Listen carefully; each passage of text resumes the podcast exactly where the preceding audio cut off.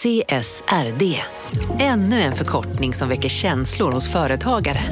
Men lugn, våra rådgivare här på PWC har koll på det som din verksamhet berörs av. Från hållbarhetslösningar och nya regelverk till affärsutveckling och ansvarsfulla AI-strategier. Välkommen till PWC.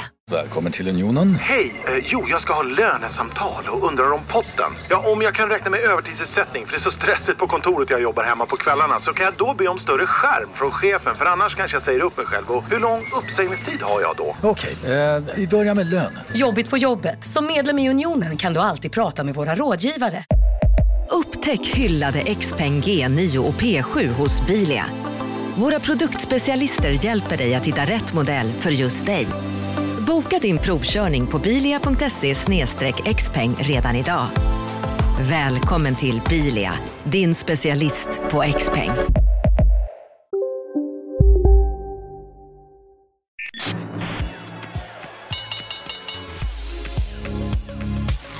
här är Affärsvärlden Magasin med Helene Rådstein. Hej och hjärtligt välkomna till podden Affärsvärlden Magasin där vi varje måndag fördjupar oss i affärsvärldens journalistik. Jag heter Helene Rådstein och jag är reporter på Affärsvärlden. Förra veckan så började vi att lyssna på en intervju med Erik Björkman för att man undrar förstås hur det är att vara chef för Oriflame i exempelvis Moskva, Belarus och Centralasien. Det här är något som vi kommer fortsätta att fördjupa oss i i avsnittet som kommer nu. Där så ska vi bland annat eh, gå igenom hur det var för Erik Björkman när han blev arresterad av rysk underrättelsetjänst. Han började, förresten kan vi säga, som management trainee på MTG och arbetet som lymma tog honom senare vidare till Ukrainas huvudstad Kiev och vidare till Oriflame där han senare blev chef för sminkbolagets närvaro i Centralasien, Moskva, Ukraina och Belarus. Och Oriflame är numera avnoterat från Stockholmsbörsen. Det är ett internationellt sminkkosmetikaföretag. Och det grundades redan 1967 av bröderna Jonas och Robert af Jokknik och mycket av bolagets försäljning sker via privatpersoner som agerar försäljningskonsulter. Och den typiska konsulenten är en kvinna som vill tjäna extra pengar på att sälja kosmetikaprodukter till vänner och bekanta. Den här affärsmodellen har varit utsatt för en hel del diskussion och kritik och det har också fått stora konsekvenser, inte minst i Iran 2010. En viktig del i modellen är också att konsulenterna kan tjäna extra på nyrekrytering av försäljningskonsulenter och detta brukar kallas multilevel marketing, där den som är högst upp i försäljningspyramiden också tjänar bäst. Men nu så kommer vi in i intervjun som fortsätter från förra veckan med Erik Björkman. Förutom allt det här roligt, liksom roliga så som man har haft och så här, det är ju inte vilka stater som helst. Jag vet att du faktiskt också har blivit arresterad till exempel. Alltså om man ska gå in på från eh, Tjo och Kim och Thunder och allt vad det kan vara. Du har ju faktiskt blivit arresterad i Moskva. Kan du berätta om det?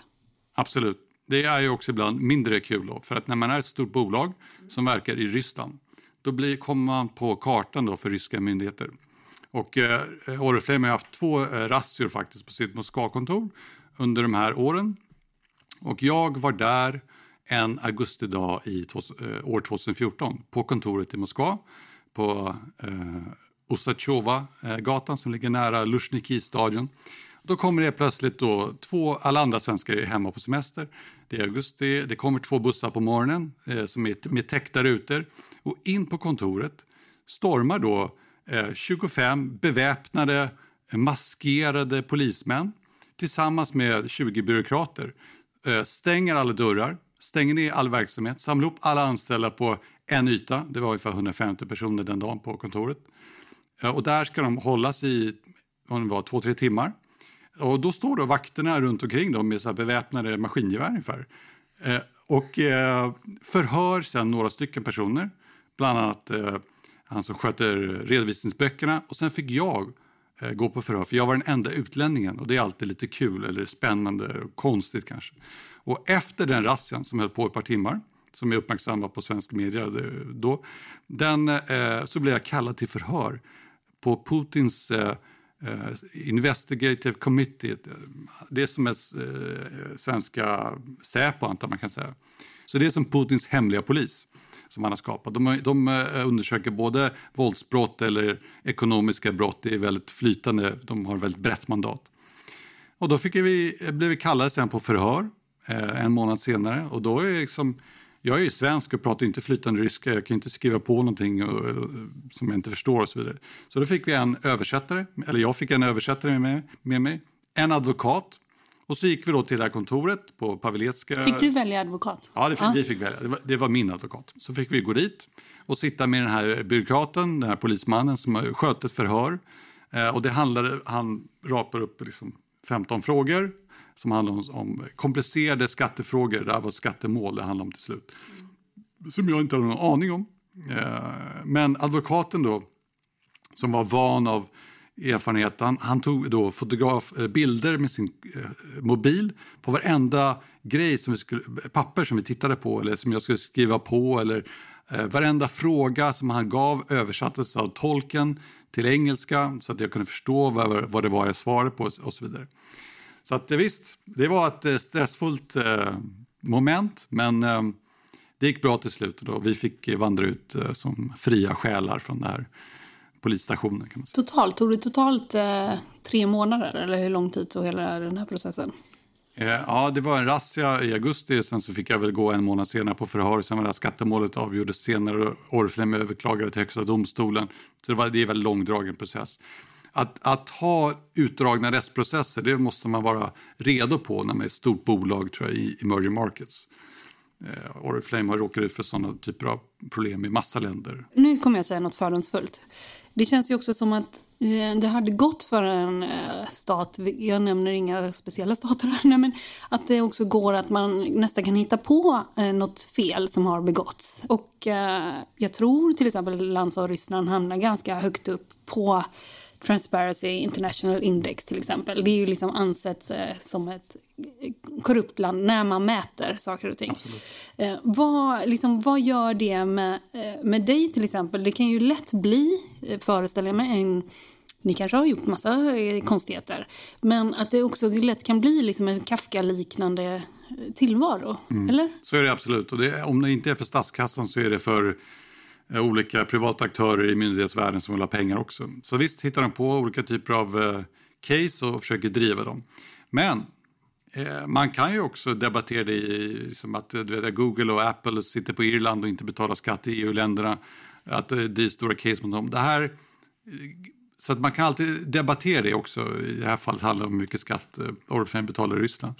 Så jag tycker inte att det är helt unfair allting. Liksom. Eh, Oriflame har skött det väldigt snyggt. Liksom, en enormt laglydig deltagare i den här delen av världen.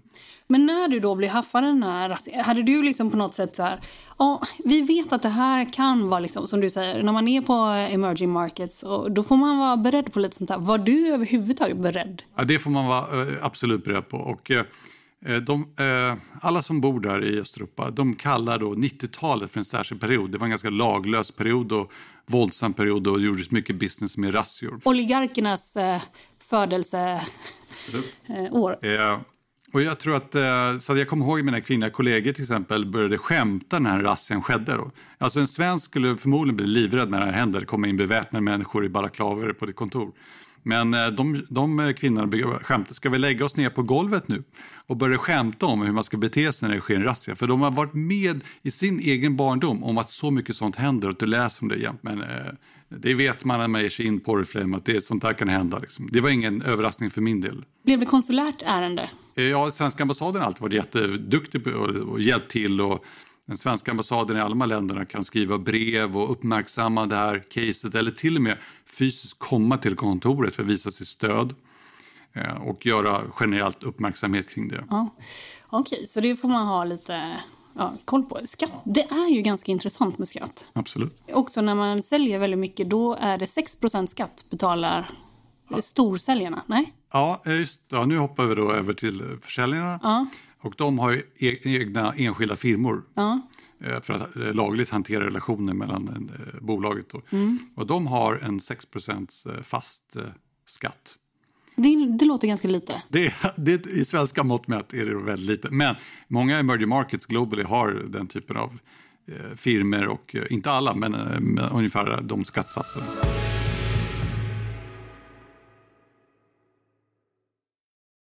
Marknaden sponsras av SPP, pensionsbolaget. Eh, förra gången pratade vi lite om ITP. Och som en kort repetition så, så var det ju 70-tal, arbetsmarknadens parter bestämde att alla tjänstemän ska ha en tjänstepension. Man kom överens om vilka villkor som ska gälla i den här pensionen och så kallade man den för ITP. Så jobbar man idag som tjänsteman i ett företag med kollektivavtal, då har man förmodligen den här pensionen, ITP-pensionen.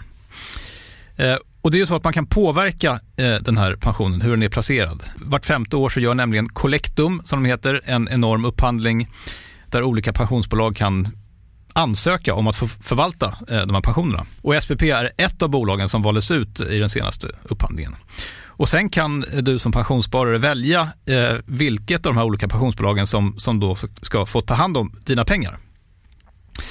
Och tanken med den här upphandlingen är ju att liksom kvalitetssäkra de här olika alternativen eh, men också att förhandla fram stora rabatter så att pensionsspararna ska få ja, kunna spara pengar genom att avgifterna eh, som är så viktiga eh, blir eh, lägre.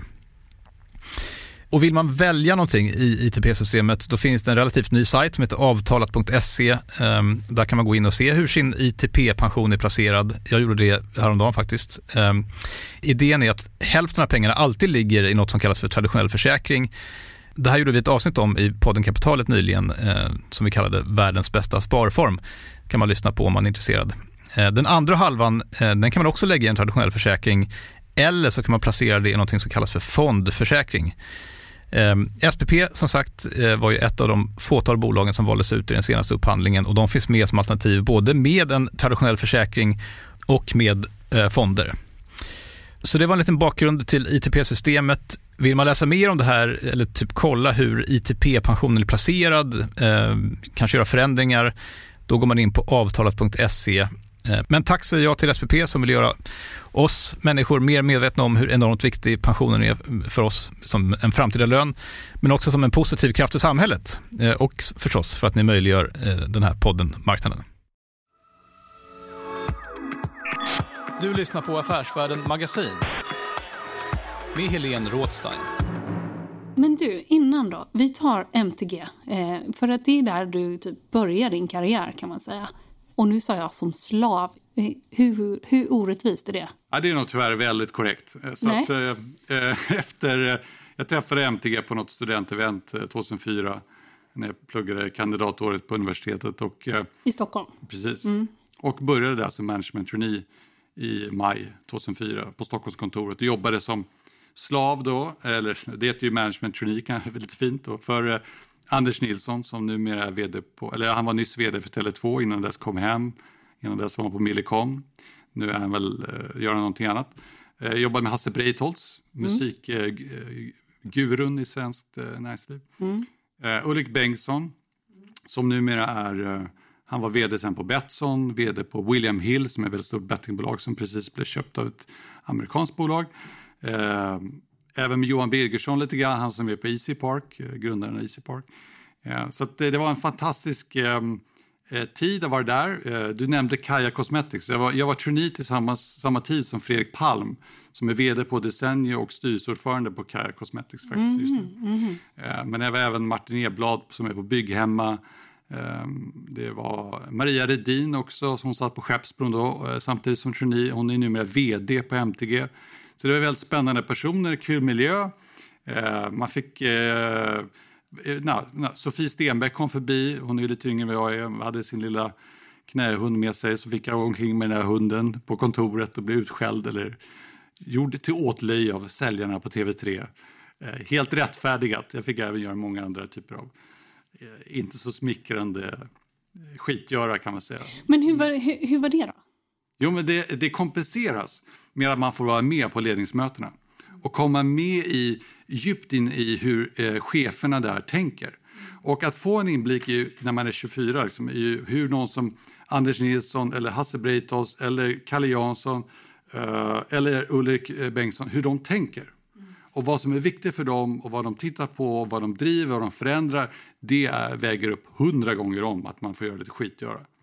Plus att Stenbeck-sfären, det är en kul, det är lite kul grej. Man är väl kanske att man är lite snm person men man tycker om det där märkliga. Liksom, man fick ju ändå åka till Farmen i Luxemburg där Stenbeck har en stor mansion.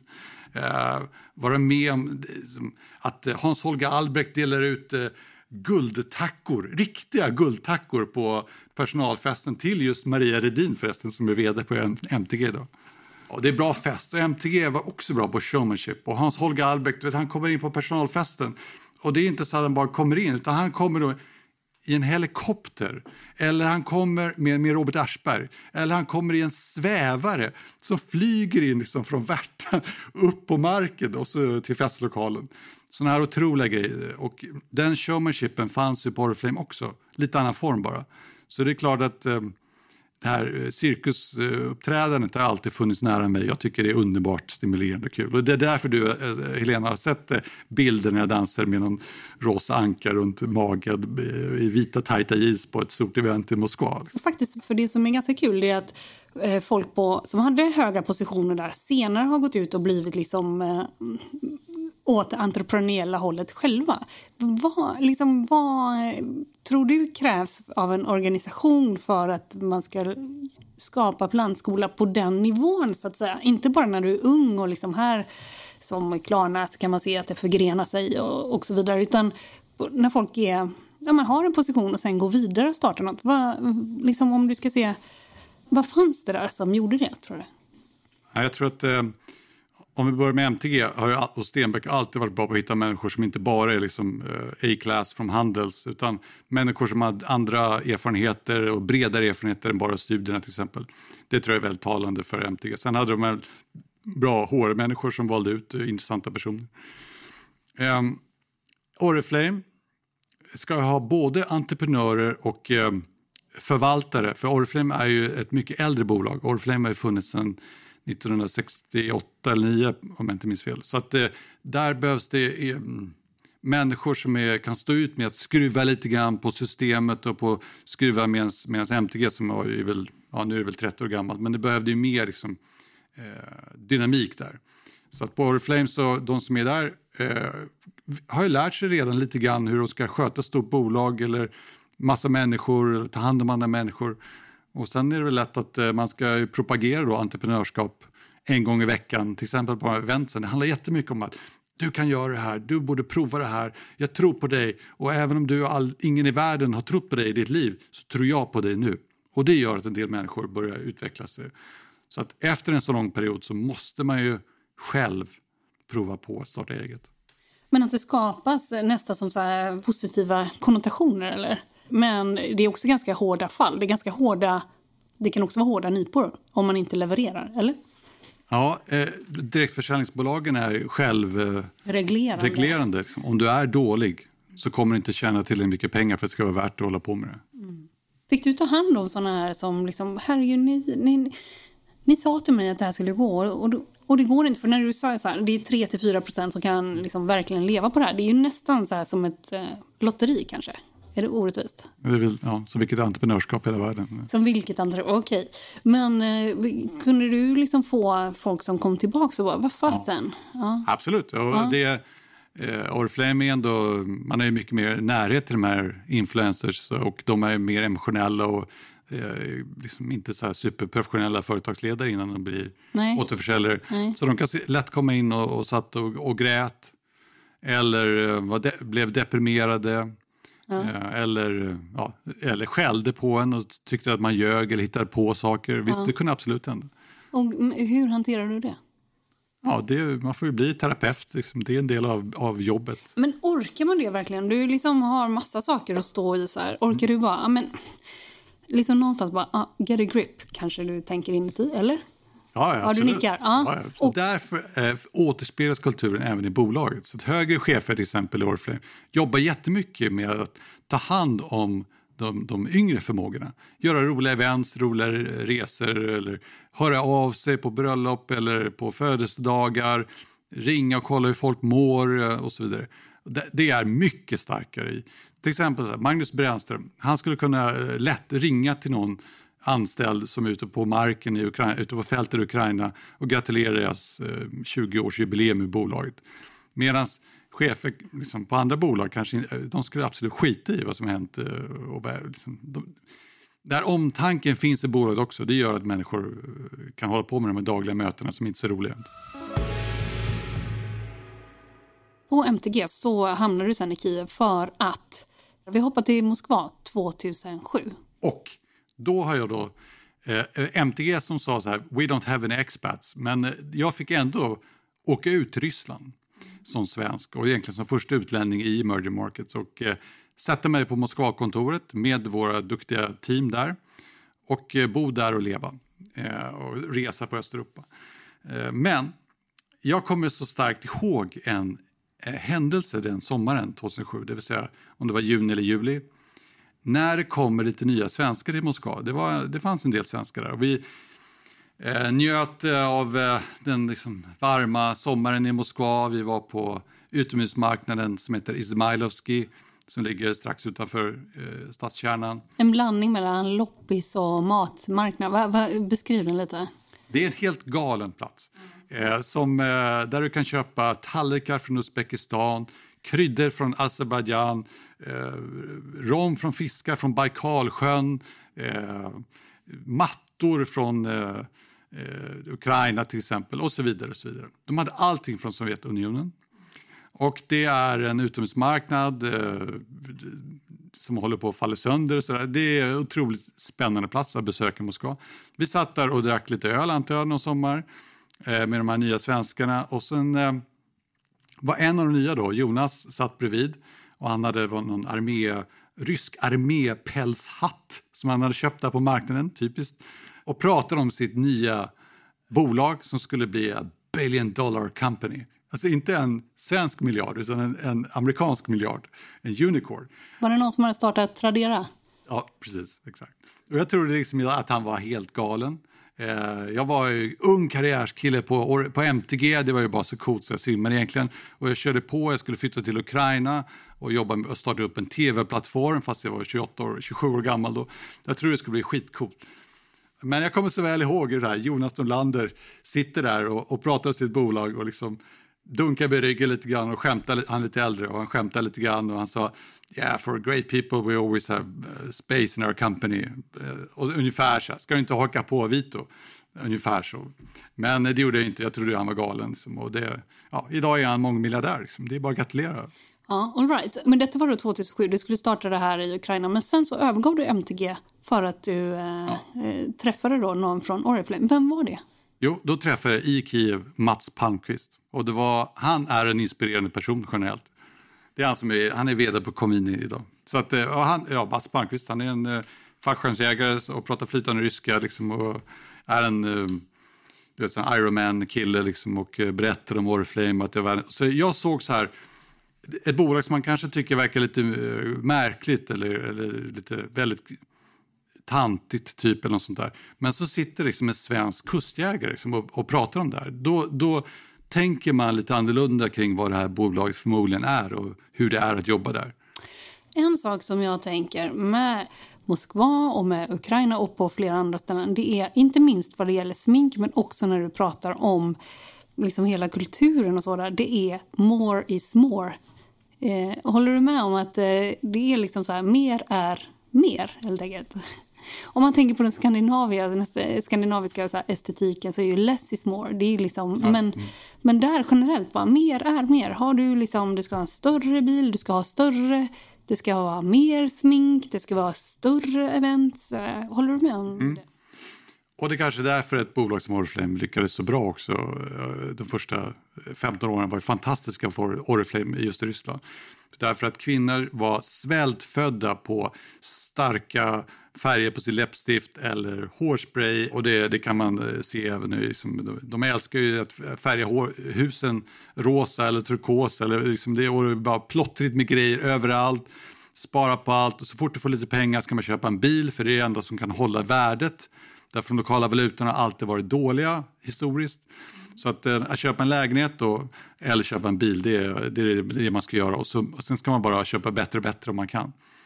Eh, man kan bo väldigt enkelt och leva på pasta och ris ungefär, men man ska ha en Mercedes Jeep. Liksom. Det är status. Vad är mer status för någonting? Status är att bygga ett enormt hus som man kan. De har ju eh, generellt sett i hela Sovjetunionen haft billig el, elkraft och gaskraft.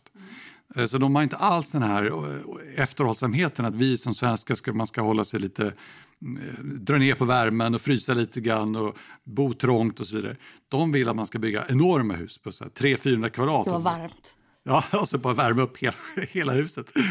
Och så kostar det ingenting. Liksom. Mm. Ja, helst ska man i och för sig fuska på det och inte betala sin elräkning om man kan. De, de är, det, är, det är generellt ett folk som har mm, precis, skulle jag säga, nu är det ju eh, nästan 30 år sedan, sedan eh, Sovjetunionen upplöstes, men det är ändå eh, ett ung, en ung nation som gick från supersocialistiskt land till ett ultrakapitalistiskt land. Och i, där, man, där man inte hunnit formera alla eh, system, till exempel hur kraftbolag ska betala betalt av en person eller eh, hur telefonbolag ska betala betalt av sina abonnenter eller hur staten ska veta vem som bor var. Folkbokföringen fungerar till exempel inte. En allmän infrastruktur som inte funkar riktigt. Alltså, eller? Den är inte kan... riktigt på plats. Nej, nej, den är inte riktigt på plats. Vad det gäller mutor och sådär och ta sig fram. Jag fattar att uh nu har vi det här caset i Uzbekistan som har vandrat vidare. Åklagarmyndigheten har överklagat Telia som har gått upp i hovrätten nu tror jag. Men eh, om man tar eh, liksom mutkulturen. Jag fattar att du inte kan säga någonting som rör något corporate här. Men om vi tar den privata. Kan du säga liksom eh, muta sig fram lite i, i tillvaron? Absolut. Det är ju då en, en stark eh, korrumperade kulturer i alla de här länderna. Ja. Jag skulle säga det är, det är lika illa i Ukraina och Kazakstan och Ryssland. Och liksom, det är väl lite mindre i Belarus kanske, men det är utbrett och det är ett sätt att lösa problem. Och eh, till exempel om, om, om din svärmor hamnar i en trafikolycka, då måste du vara redo att betala precis allting cash på sjukhuset. De kommer inte ens ha råd med eh, skoskydd till dig, utan du ska ha med allting och ska du ge pengar till anestesiologen eller till läkaren eller för att göra en operation och så vidare. Så, vidare så att om du kommer då till, det är inte så att försäkringen, försäkringar börjar fungera men inte så bra ännu. Eh, så man lär förstå att det är så det fungerar. Sen är jag gift med en ukrainska och eh, har förstått också genom henne, alla hennes bekanta också hur systemet fungerar. Så att eh, när då situationen dyker upp då, i mitt fall till exempel kommer jag väldigt ihåg i Almata 2011 på flygplatsen en flygplats är ändå en ganska officiell plats med kameraövervakning och så vidare. Så har jag då en, en stämpel fel i mitt pass, något trams då som eh, passkontrollanten säger. Som du känner att det här är påhitt? Det här är påhitt och det är ett absolut inbjudan till att jag ska lösa det här problemet. Så alltså det gör man så här, då står man i passluckan och funderar och sen tar man tillbaka sitt pass, stoppar man in 50 dollar i, i passet, skickar tillbaka passet och så helt plötsligt så är det okej. Okay så får man flyga eh, iväg, i mitt fall var det hem till Sverige. Då. Eh, det händer. Eh, det är naturligtvis helt bisarrt i en svensk situation om man skulle göra något sånt. Och liksom, det är ändå Fattade du det av dig själv? Att det är så du ska göra? Ja, men det har jag lärt mig då. Liksom. Sen har jag mutat massa trafikpoliser och massa um, vägpatruller, eller liksom, patrullerande poliser som hittar på något trams. Liksom att uh, någon röker, en cigarett, alla röker, men någon röker med cigarett och det är ett brott i specifik plats så får man betala 10 euro så blir man av med det problemet. Du lyssnar på Affärsvärlden Magasin med Helene Rådstein. Eh, marknaden sponsras av Karla. Eh, vi pratar ju en hel del om bilar här på kontoret. Eh, karla har ju skapat, skulle jag säga, det som är standarden för hur man idag köper och säljer bilar på nätet. Kort bakgrund bara. Karla säljer och leasar begagnade elbilar och laddhybrider på karla.se. Alltså en helt digital upplevelse. Och man har gjort det här med ett nästan maniskt fokus på vad en bilköpare faktiskt behöver. Jag gjorde ju en intervju med en av grundarna, Patrik Illerstig, i marknaden här eh, ganska nyligen, eh, daterad 25 mars, om man vill lyssna på den. Eh, men där berättar han hur de kom in i det här lite från vänster för att försöka uppfinna hela den här liksom bilköpupplevelsen från början. Och de har idag, vilket är rätt otroligt, 4,8 i betyg eh, på Trustpilot. Jag, jag har sett många företagssidor på Trustpilot Men det här är nog bland eh, det bästa jag någonsin sett eh, faktiskt. Man kan sälja bilen till Karla också. Eh, då går man in på karla.se, delar lite info om bilen, sen får man en gratis värdering och ett bud. De hämtar bilen helt gratis i hela Sverige och så har man pengarna på kontot i samma stund som de hämtar bilen. Det är grymt. Eh, så ska du köpa en ny bil eller sälja din gamla, eller båda delar för den delen, gå in på karla.se och eh, kolla. Alltså karla.se och Karla stavas med C. Tack så mycket till Karla.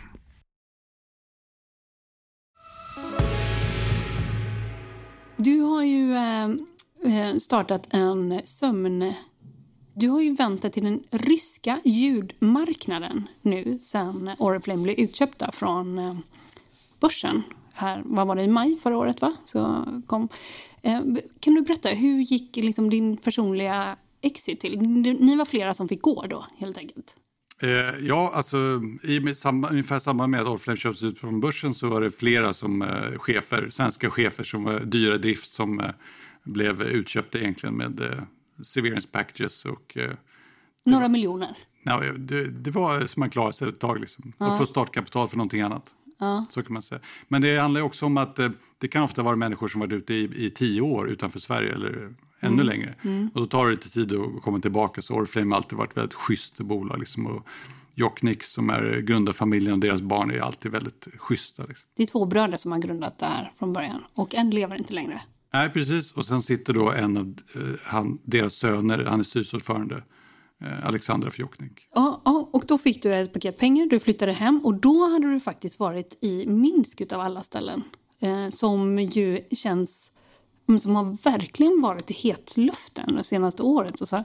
hur var det, alltså bara, jag bara tänker, du kommer dit, du har varit i flera, du har varit i Centralasien, du har varit i Moskva, du har också varit i Ukraina och sen så tar du det mest politiskt avancerade, är det en diktatur? Ja, 2017 så var det inte så kontroversiellt där när jag började jobba där. Då var det ganska stabilt. Men eh, det är klart att Alexander Lukasjenko som är nuvarande president, han har ju varit där i ja, 24 år. Utmanad har han varit på sistone också, men det kanske inte går så bra. Ja, jag, jag kan, eh, ja, generellt sett var det underbart där. Det är ett vänligt folk. Det är ett ganska utvecklat land, fast för en svensk så är det såklart som ett svart hål ungefär. Man vet ju knappt någonting om det där. Men de flesta svenska stora bolagen på A-listan på börsen är där, med, med, men med lokala representanter. Så att, eh, och svenska ambassaden är aktiv där och svenska ambassadörskan Kristina Johannesson är också väldigt aktiv med svenskt näringsliv och eh, liksom promotar Sverige och svenska demokratiska värde, värderingar och så vidare. Det här som har hänt de sista, Eh, sen eh, eh, senaste presidentvalet, om det är två månader sedan, tre månader sedan, det är det som har skapat de här enorma protesterna. Det, det har i och för sig varit protester de sista tre eller fyra valen, men nu är de mycket större. Nu har de hållit på, om det är varje helg, 12 veckor sedan valet. Och det är tiotusentals människor som, vill, som väldigt fredfullt protesterar och vill ha en, en ny, ny chef, kan man säga.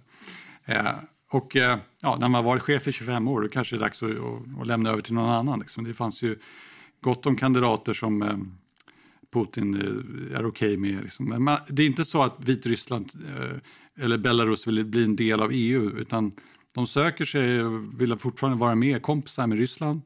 Men eh, Lukasjenko vägrar ge ifrån sig makten, han balanserar EU mot Ryssland ibland. Eh, väldigt oklart vart de är på väg. Men hur var det för dig att verka där? Ja, det, var, det är väldigt enkelt att vara i Belarus. Det är en civiliserad marknad med eh, alla är vana att ha till exempel så här, kort. I Sverige betalar vi alltid med kort. Vi är det mest eh, cashless society globalt nästan. Ukraina är ju en av de mest eh, cash-oriented societies. Medan då Vitryssland, där kan man köpa en, en souvenir på ett museum ute på vischan för med ett Visakort liksom, när det kostar två dollar. Det där är mycket mer utvecklat. Det gör genast att det blir mindre korruption, mindre eh, ekonomiska oegentligheter, mera utvecklade tjänster. Det blir genast mer press om, om folk då måste, om, om alla pengaflöden är transparenta och digitala, då måste någon betala skatt på de pengarna. Oftast i alla fall. Och det, eh, det gjorde människor i Belarus. Deras system påminner om vårat. Eh, folk beter sig ungefär likadant. Eh, de är mycket lugnare i, Belarus. De är eh, laglydiga. Eh, De är mycket mer avancerade. Alltså, du pratar om more is more, less is more. De är mycket mer less is more jämfört med Ryssland, eller Ukraina eller mm. kazackerna. På många sätt verkar det som att den kulturen är nästan närmare den svenska kulturen, eller? Absolut, nära Trots. Baltikum, Polen. Men, men de har ju en stark man där som är president. Liksom, och han har hela militären, polisen på sin sida, liksom, än så länge i alla fall. Så att, eh, det, verkar inte, det blir nog inga förändringar där nu. Men, men snart kommer det bli. Det, tror du? Ja, det tror jag. Ja. Nu, nu tror jag ändå att det, det har gått tillräckligt lång tid. Tillräckligt många unga har sett resten av världen. Det vill säga, de kan åka de kunde förut åka direkt till Litauen över, över helgen och se hur folk bor i Baltikum mm. som en del av EU som är väldigt annorlunda jämfört med Östeuropa. Så välfärden är ju runt hörnet och då, då är det svårt att stoppa en politisk utveckling. Det är bara en tidsfråga. Mm. För att de har inte varit så bra heller på att stänga gränsen. Alltså om man... De har inte känt att de behövt det. Nej. Till exempel en svensk eh, kunde åka till eh, Minsk i 30 dagar utan något visum. Mm. under en tidsperiod. Mm. Eh, man har inte kunnat åka till Ryssland utan ett visum, vilket är väldigt svårt att få. Det tar tid och så vidare, det kostar massa pengar. Så att den här, det har varit en, en, en steg mot att öppna upp Belarus de sista tre, fyra åren. Stark. Och nu har det enormt gått tillbaka och nu har vi gett eh, ja, sanktioner från EU och så vidare. Det har skett en, en, en otroligt tro, trist utveckling för Belarus. När eh, då Oriflame blev eh, utköpta från börsen, du, du fick en påse pengar och sen så nu så vänder du dig till den ryska ljudboksmarknaden kan man säga. Och genom att eh, leverera så tråkiga stories som möjligt som man kan lyssna på. Är det rätt uppfattat? Ja, det är mot rysktalande, de finns ju faktiskt i hela världen, men många är i Ryssland. Right. Eh, och det handlar om, att eh, ja, du ser i stora drag i USA att du har tjänster som Calm eller i England heter de Headspace. Det är digitala appar där det finns innehåll som gör att folk kopplar av, mediterar eller somnar. Och eh, Sova är den största delen av de tjänsterna och därför har vi valt att skapa Saga Sleep som är en eh, rysktalande sömnapp egentligen. Eh, och de här tråkiga historierna, visst det är som 30 minuters ljudböcker ungefär som finns i den här appen. Men de är speciellt gjorda och skrivna och utformade och sen även upplästa på ett speciellt sätt som gör att ja, det är naturligtvis, tänk dig kanske Micke Persbrandt skulle berätta en djup, eh, långsam historia med, med väldigt mycket adjektiv, inte så mycket verb, det är inte så mycket persongalleri, det, det är ingenting som du behöver hålla reda på, det lugnar ner dig. Ja. Det fångar din attention, eh, uppmärksamhet i början och sen lugnar det ner dig, det blir mer och mer pauser, den pratar långsammare, kanske tystare, det kanske kommer lite härlig musik och så vidare. Och eh, sömn är en stor grej. Vi har många svenska sömnforskare som, som även kollar på vår metodik det finns ryska sömnforskare som har tittat på vår metodik och liksom godkänt kan man säga vårt innehåll. Men alltså en nischad Storytel-produkt kan man säga, som eh, där du ska sova. Är, är, det, är det fel? Mm, ja, vårt innehåll faktiskt, en del av vårt innehåll finns på Storytel i Ryssland. Ja. Så det kan absolut vara så. Människor vill ju då kunna somna ja. generellt. Och eh, eh människor får tag på innehåll på olika ställen, till exempel på Youtube eller på sin Storytel eller på sin eh, eh Next. Eh, ja, det finns en massa ljudboks, ljudboksplattformar, det finns en som heter Littress eller på Spotify eh, eller på olika digitala appar. Och vi försöker vara den plattformen. Så vi är både då, har en egen app då, som ryssarna eller ryskpratande Ukraina, vit, eh, Belarus, Kazakstan, Eh, Israel, Kanada, USA eh, England, eh, var de än finns så kan man väldigt enkelt göra digital marknadsföring mot just de människorna så att de laddar ner och njuter av den här produkten. Vi spelar in de här med ryska kändisar. Jegor Berojev är som Mikael Persbrandt, men som en, han kanske inte är enfant terrible som Mikael Persbrandt, men, men som folkkändis. Tjänar ni några pengar? Ni har fått in lite pengar här vet jag, men tjänar ni några pengar nu? Ja, eh, Saga Sleep har betalande användare och växer starkt. Eh, är ganska nytt, lanserat i mars i år. Men eh, har flera hundra betalande användare redan. Och eh, vi bygger vårt innehåll. Vi har gjort en Angel round, ängelrunda som man säger i december förra året. Och en till runda precis nu. Och har ändå eh, åtta nya investerare nu. Det, det kan du säga några investerare? Eller är det hemligt? Eh, ja, absolut. Eh, eh, det är inte alla som vill berätta vem de är. Men Patrik Hamilton, en till person på ett private equity-bolag i Stockholm som jag inte kan säga namnet på.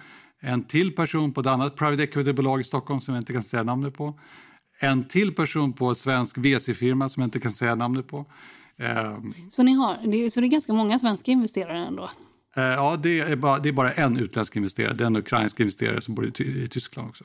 En tidig investerare är också Sebastian Bond mm. eh, som jag lärde känna på MTG.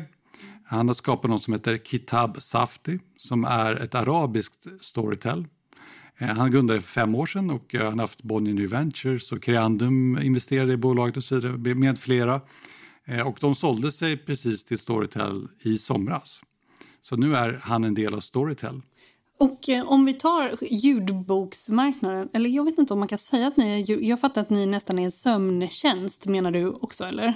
Men om vi tar ljudboksmarknaden i, eh, bland rysktalande, eller i Ryssland säger vi, det måste ju ändå vara den största marknaden av rysktalande. Hur, eh, hur, hur, hur stor är den marknaden? Hur går den marknaden? Eh, för det första så spenderar människor pengar på digitala appar eh, när det gäller hälsa och fitness. Det är en kategori och hälsa och fitness är en starkt växande kategori i vad folk är beredda att betala på för via digitala appar. Det, det mesta är ju spel, alltså dataspel och gambling. Men sen kommer hälsa och fitness ungefär 20-25 procent av vad folk lägger i ett land på, eh, på appar. Samma i Ryssland. Så det är en del. Och sen tror vi även att ljudboksmarknaden, en del av de människorna läser böcker eller lyssnar på podcasts för att somna. Och vi vill naturligtvis vara ett bättre alternativ till det för de människorna. Mm. Jag säger tack till dig, Erik Björkman. Från att ha varit slav på MTG till att ha klättrat dig upp till att vara chef på olika nivåer på Oriflame till att ha blivit entreprenör själv, som du har förespråkat ju. Du har ju hetsat entre entreprenörer på Oriflame. Absolut. Ja, jag säger tack för att du var med i podden Affärsvärlden Magasin. Tack Helene. Du har lyssnat på podden Affärsvärlden Magasin med mig, Helene Rådstein, som nu idag och förra veckan intervjuade Erik Björkman.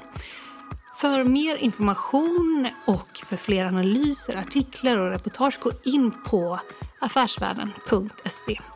Och den här podden, den är tillbaka om en vecka. Håll ut!